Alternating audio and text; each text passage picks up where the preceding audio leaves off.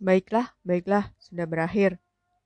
Chris mengaitkan lagi sheet hitamnya di saku kemeja, lalu bangkit menghampiri Jonsa. Cepat cuci tanganmu, berhentilah mengorek sampah seperti kucing kampung. Chris lalu menggenggam pergelangan tangan kanan Jonsa, menuntunnya menuju keran air yang ada di dekat kursi taman berwarna magenta.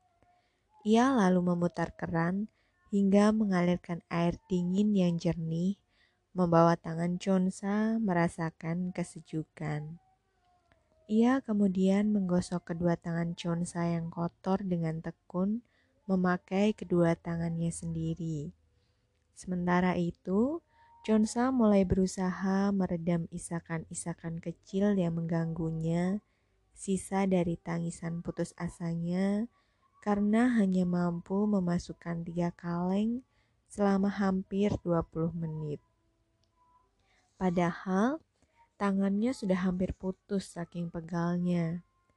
Ia berulang kali mencoba dan selalu berakhir mengambil kembali kaleng-kaleng yang sudah masuk ke tong sampah untuk dilemparkan kembali sebagai penggenap tujuh skor sisa yang harus dipenuhinya demi berkencan dengan Chris, meski hanya untuk satu hari, Jonsa sudah berusaha sangat keras untuk pertama kalinya, dan Chris menyadari hal itu.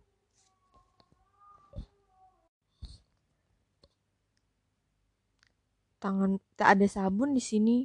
Tangan pendekmu ini masih sedikit kotor. Jadi aku gagal ya, Chris. Chris masih saja menggosok-gosok sela-sela jari Chonsa dengan ujung jari telunjuknya. Terasa sedikit kasar karena kulit jari Chris yang sudah kapalan akibat terlalu banyak berlatih basket. Chris jelas-jelas mengabaikan pertanyaan Chonsa. Dengan takut-takut, Chonsa menaikkan pandangannya ke arah wajah Chris berusaha mencari jawabannya sendiri pada manik mata pria di hadapannya. Tapi yang terjadi ketika mata keduanya saling berpaut, Chris langsung menusuknya dengan kata-kata, "Kau lihat apa?" Yang membuat Chonsa sejurus kemudian mengalihkan kegusarannya ke arah awan yang sedang menggantung di sudut langit meski sinar matahari musim panas membuatnya menanggung kepedihan di iris coklat terangnya. Chris lalu mengeluarkan sapu tangan dari handuk kecil yang ada di saku celananya, mengusapkannya dengan lembut ke tangan Chonsa yang masih basah sambil terus memandangi sepasang tangan kecil itu. Sudah selesai, Kau mau kencan seperti apa? Apa yang harus kulakukan sekarang? Chris memberikan sapu tangan hijau mudanya dalam genggaman Chonsa. Niatnya membiarkan gadis itu untuk membersihkan sisa air di tangannya sendiri. Ekor mata Chris kini lebih terlihat sibuk menghindari ruang mata Chonsa. Kerongkongannya mendadak kering lagi Padahal ia sudah minum sepuluh kaleng jus dingin tadi. Jonsa terdiam, menghapus satu titik air mata yang masih terkurung di setiap ujung pelupuknya dengan buku-buku jari telunjuknya. Ia menatap nanar jakun Kris yang dilihatnya sudah naik turun beberapa kali. Terima kasih, desah Jonsa berusaha menyembunyikan getaran dalam suaranya dengan bervokal lebih pelan dari biasanya. Pelan-pelan, Chris menarik matanya, menyeret pandangannya ke mata bulat Chonsa yang terlihat berkilat-kilat senang.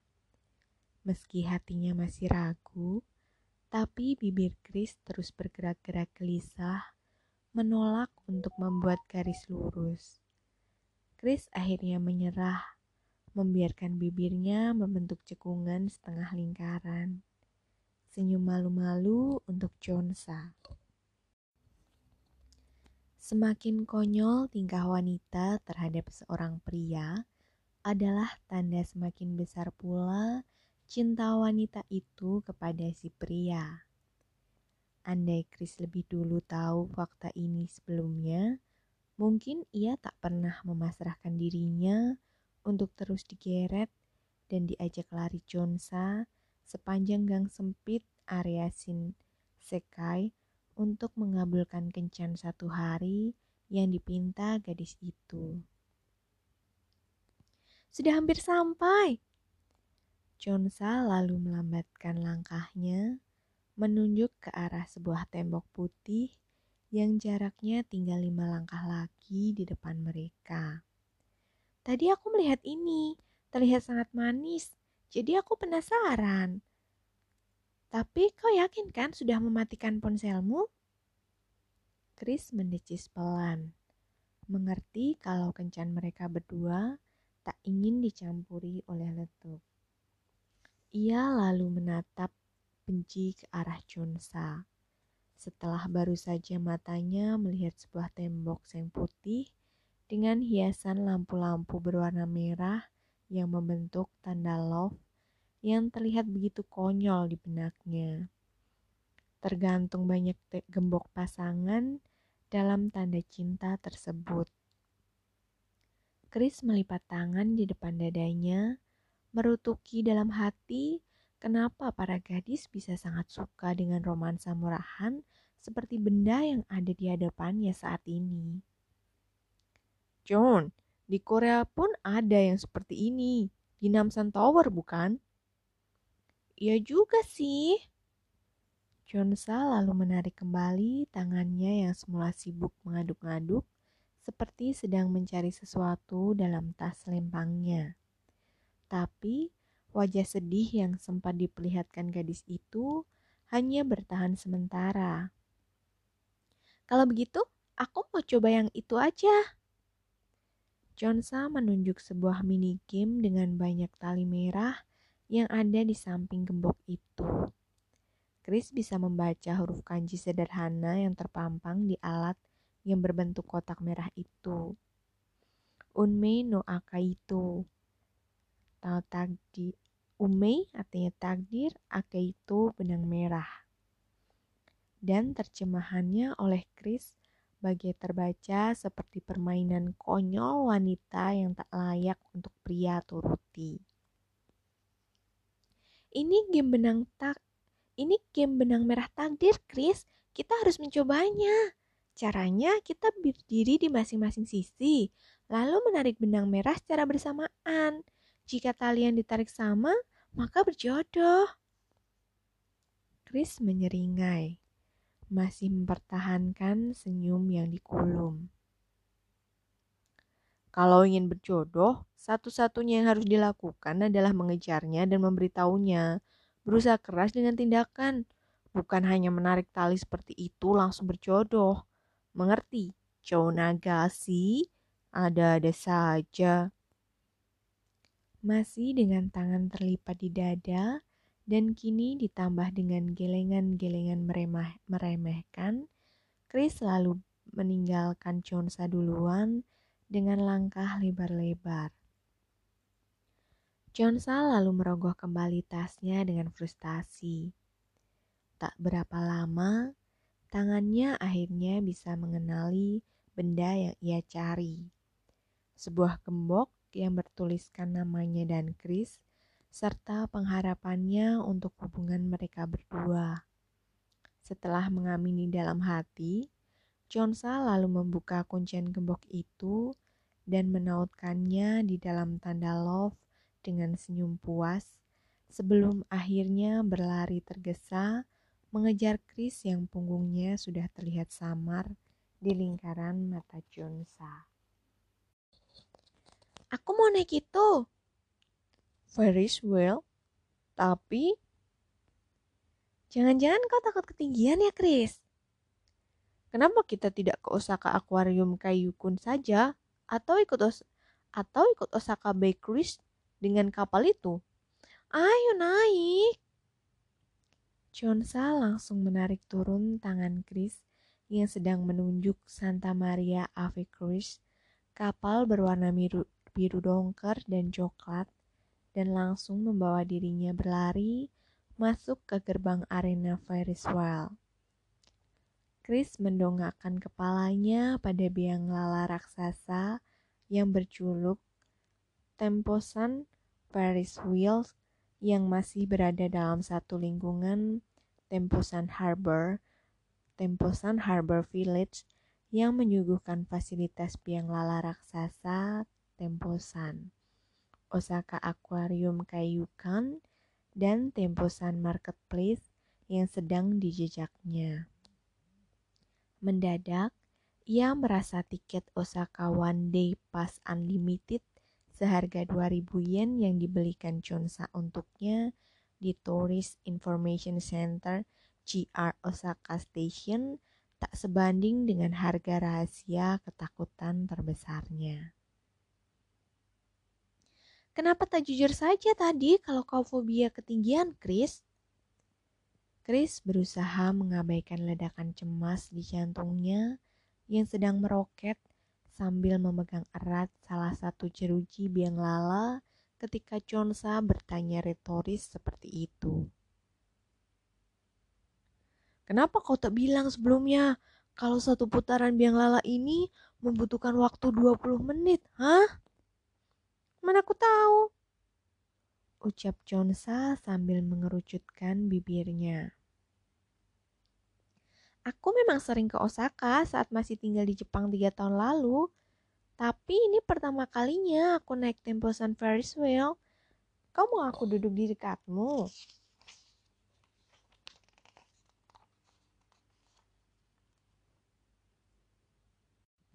Sudah, di situ saja.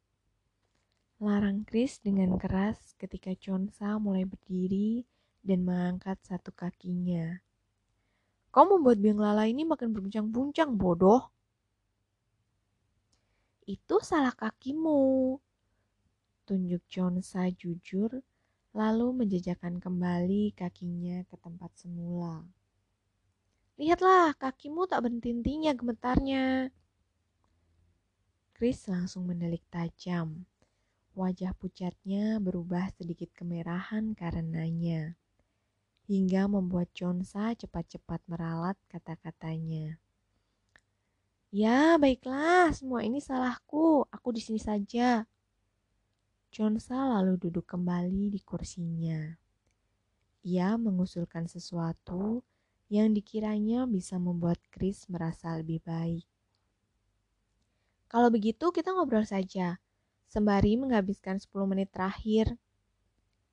Mereka kini sudah berada di puncak Ferris wheel. Chonsa bisa melihat jembatan indah yang membelah Teluk Osaka, serta kapal klasik Santa Maria Ave Cruise yang terlihat seperti miniatur dari titik pandangnya saat ini. Kenapa kau memanggilku Chon saja? Namaku kan Chonsa. Chonsa artinya malaikat kan? Kau tak terlihat seperti malaikat bagiku, terutama sikapmu itu yang Chris mengatakannya dengan nada santai, sementara ia kini sudah merentangkan kedua tangan panjangnya mencengkeram, mencengkeram kerangka Ferris wheel untuk meredam sedikit guncangan dari angin Teluk Osaka yang berhembus sangat kencang dan sudah membuat rambutnya berantakan. Chonsa yang sudah mulai terbiasa dengan tutur kata Chris hanya bisa merebahkan punggungnya di sandaran kursi belakangnya. Meski menyimpan sedikit kesal, rasa sukanya pada Chris jumlahnya masih lebih banyak dan bisa meredam semua perasaan negatif itu dengan cepat. Kemudian ia berujar, Hmm, ceritakan apa yang kau sukai dan apa yang kau tidak sukai. Aku juga ingin tahu. Sedikit yang ku suka dan banyak sekali yang ku benci.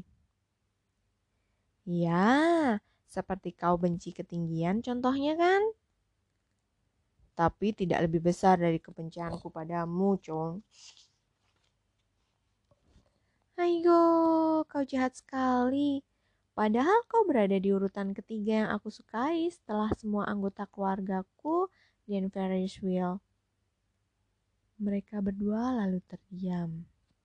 Alasan Chris memilih diam karena terpaan angin dingin besar yang kini semakin memperparah guncangan kotak biang lala yang mereka tempati. Sedangkan Chonsa merasa ia harus diam karena tiba-tiba meragukan perasaannya sendiri karena mendengar dan menganggap serius kata benci itu. Seperti gerakan Ferris wheel yang sedang mereka arungi sekarang, degupan di jantung Chonsa pun terasa kian melambat untuk Chris selama 10 menit terakhir. Langit oranye keemasan memupuskan rona biru atmosfer yang sudah merajai seharian ini saat Chris dan Chonsa sudah turun dari temposan Ferris wheel. Time's up, ujar Chris memimpin langkah agak menjauh dari Chonsa sambil mengetikkan sesuatu di layar ponselnya. Come on, Chris, berikan waktu tambahan setengah jam lagi. Janji, ini tempat terakhir kencan kita dan tak berhubungan dengan ketinggian. Aku mau pulang saja. Kau sudah melelang setengah nyawaku dengan tiket seharga 2000 yen, John Agassi. Aku meminta pertanggungjawabanmu dengan membiarkan aku tidur dengan tenang di hotel. Oke? Baiklah, 10 menit terakhir, Chris. Aku minta 10 menit saja. Setelah itu kau boleh melanjutkan hidupmu membenciku lagi, sepuasmu. Chris selalu menghentikan langkahnya, menghadapkan dirinya pada Chonsa yang terlihat sangat bersungguh-sungguh. Karena aku sudah mengabulkan keinginanmu, maukah kau mengabulkan milikku juga? Bukan ucapan selamat ulang tahun, bukan ucapan kencan hari ini sungguh menyenangkan, tapi yang terucap dari bibir Chris. Berhenti menatapku. Jangan teruskan perasaanmu padaku lagi setelah 10 menit terakhir. Bisa kan, Chung? Jonsa membatu. Mendadak, sekujur tubuhnya menegang mati rasa. Begitu juga dengan kelima indranya. Chonsa berusaha menyampaikan penolakan lewat sorot matanya. Namun, Chris nyata-nyata tak mampu membacanya. Bagus, gadis pintar. Chris mendorong kepala Chonsa ke arah dadanya, menghadiahi gadis itu sebuah pelukan. Baginya, aksi diam merupakan tanda persetujuan dari Chonsa. Tubuh Chris yang sekarang sedang terikat erat dengannya tanpa sekat, membuat Chonsa sesaat merasa bagai melayang. Berharap waktu akan berhenti saat itu juga, membuat kedekatan mereka mengabadi. Tapi kemudian pelukan itu lepas dan Chonsa merasa jantungnya juga ikut tercabut karenanya. Chonsa membawa Chris menuju area dalam bangunan samping Osaka Aquarium Kayakun yang berlatar kota Osaka tempo dulu. Mereka berjalan di sudut dalam Naniwa Kuisinbo Yokocho. Kau tak melihat di depan itu jalan buntu, Chon? Tunjuk Chris. Itu ada sebuah kuil kecil. Lebih baik kita putar balik saja kalau memang salah jalan begini. Itu tempatnya. Chonsa tersenyum, lalu menarik Chris berlari. Aku memang ingin ke kuil itu bersamamu. Apa? Chonsa melambatkan laju larinya dan berhenti di depan kuil unik yang dihiasi dengan patung berwujud babi-babi kecil. Kuil yang dibaca Chonsa di sebuah artikel majalah itu sebagai satu dari tujuh permainan harta karun yang konon merupakan permainan iseng di mana para pengunjung dipersilahkan mencari tujuh harta karun di kawasan Naniwa yang memang seperti labirin. Papan petunjuk ritualnya, sebentar aku baca dulu. Sisa waktumu tinggal empat menit lagi, John. Jonsa merengut sebal mendengar peringatan Chris. Namun, ia masih mencoba tetap fokus menerjemahkan rentetan huruf kanji dan kana sebisanya. Pertama, pasangan saling berpegangan tangan sambil sebelah tangan mereka memegang batu yang ada di masing-masing sisi. Ayo cepat lakukan, Chris. Ini permainan apa lagi sih? Protes Chris bingung tapi ia tetap mematuhi petunjuk yang disebutkan Chonsa. Chris lalu menggenggam tangan kiri Chonsa dan memegang batu hitam yang berdiri vertikal di sisi kiri tempatnya berdiri. Dan berteriak menyatakan suka. Chonsa lalu menyeringai ke arah Chris. Kita lakukan sama-sama ya. Apa katamu tadi? Tinggal bersama-sama bilang Suki Dayo. Apa susahnya sih? Apa? Ledak Chris sambil melongok membaca papan petunjuk kuil tersebut. Jadi ini ritual mempererat hubungan cinta? Yang benar saja kau John, waktu 10 menitmu sudah habis. Chris selalu mengangkat telepon dari ponselnya yang selalu bergetar sepanjang dirinya menemani John kencan. Ia lalu melangkah ke belakang, menepuk sekilas bahu letek yang sudah berdiri entah berapa lama di situ. Lalu berjalan semakin jauh, meninggalkan Chonsa dan Letuk berdua saja. Setelah Letuk memberikannya kunci mobil. Chonsa masih bergeming, tak berani menatap ke belakang arah Chris meninggalkannya. Tangan kanannya masih memegang batu hitam di sebelahnya, tak digesernya sepermilimeter pun. Lagi pula, kau salah menerjemahkannya, John saya. Letuk lalu mendekat, berusaha menghibur Jonsa. Ia menggenggam tangan kecil yang melunglai setelah dilepas Chris, lalu menyentuhkan tangannya di batu yang ada di samping kiri tempatnya berdiri menggantikan Chris. Seharusnya berteriak begini sekerasnya. Sukianen!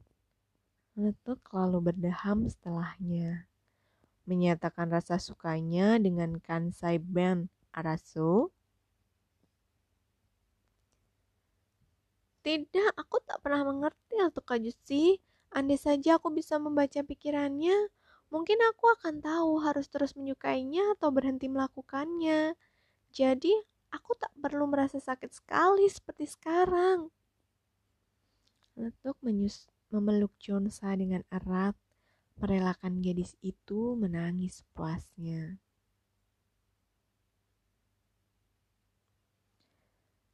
Indah pada waktunya, Jonsa. Letuk membelai halus puncak kepala Chonsa. Ia berusaha mendamaikan tarikan nafasnya yang terasa sesak mendengar tangisan pilu Chonsa yang sedang didekapnya. Yakinlah, semua akan indah pada waktunya.